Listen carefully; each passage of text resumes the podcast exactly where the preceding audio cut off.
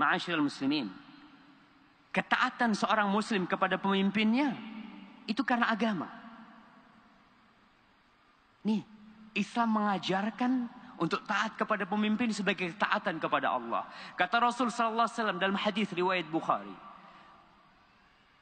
Man ata'ani faqad ata Allah.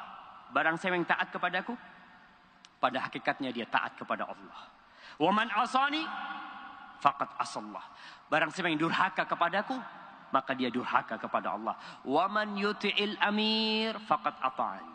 Wa man ya'sil amir faqad asani. Barang siapa yang taat kepada pemimpin, maka dia taat kepadaku. Dan barang siapa yang bermaksiat kepada pemimpin, dia telah bermaksiat kepadaku. Kita cinta sama Rasulullah SAW, taati pemimpin. Ustaz, bagaimana kalau pemimpinnya zalim? Iya, walaupun pemimpinnya zalim. Rasul sallallahu alaihi wasallam mengatakan satakunu atharah wa umurun tunkirunah. Akan datang tuh nanti satu masa atharah. Pemimpin-pemimpin yang lebih mementingkan diri mereka sendiri.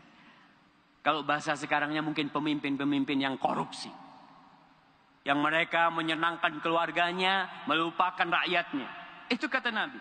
Lalu para sahabat bertanya, Ya Rasulullah, fama ta'muruna? Mereka tanya, Ya Rasul, alaihi salatu wassalam, apa perintahmu kepada kami kalau kita menghadapi pemimpin yang seperti itu? Apa kita berontak? Demonstrasi? Angkat senjata? Rasul sallallahu alaihi wasallam mengatakan tu'adduna al-haqqa alladhi 'alaikum wa tas'aluna Allah alladhi lakum. Sudah. Kalian laksanakan perintah-perintah mereka. Berikan hak mereka. Hak kalian nggak perlu kalian nuntut sama pemimpin. Nabi tidak memerintahkan kepada kita untuk nuntut hak kita kepada pemimpin. Pemimpin manusia biasa. Dia bisa sakit, bisa lupa.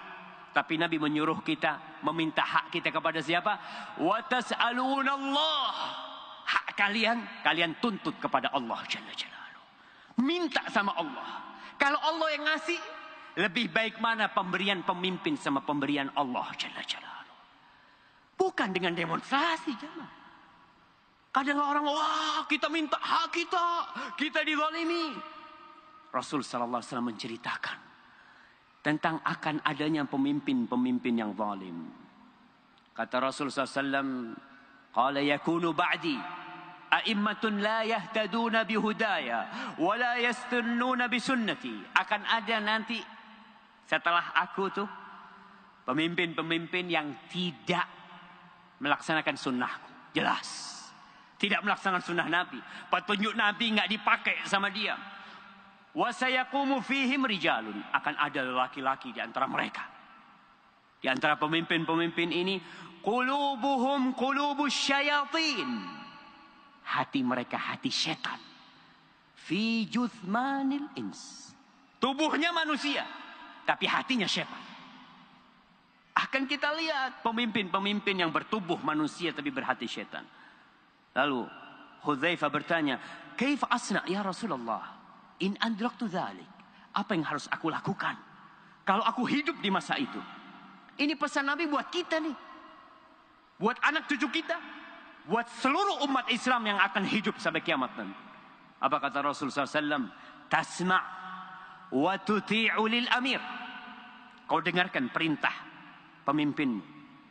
Kau laksanakan perintah pemimpinmu wa in daraba dhahrak wa akhadha malak fasma wa ati walaupun dia memukul punggung ini bukan cerita lagi jemaah kita mungkin dapat cerita pemimpinnya boleh macam-macam ya ini Rasul SAW menggambarkan kezaliman itu terjadi sama kita kita yang dizalimin Walaupun engkau dipukul punggungmu, diambil hartamu, fasma wa ati.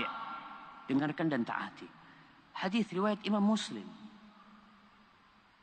Sebagian orang kalau dengar hadis ini mengatakan dibayar berapa tuh ustadznya?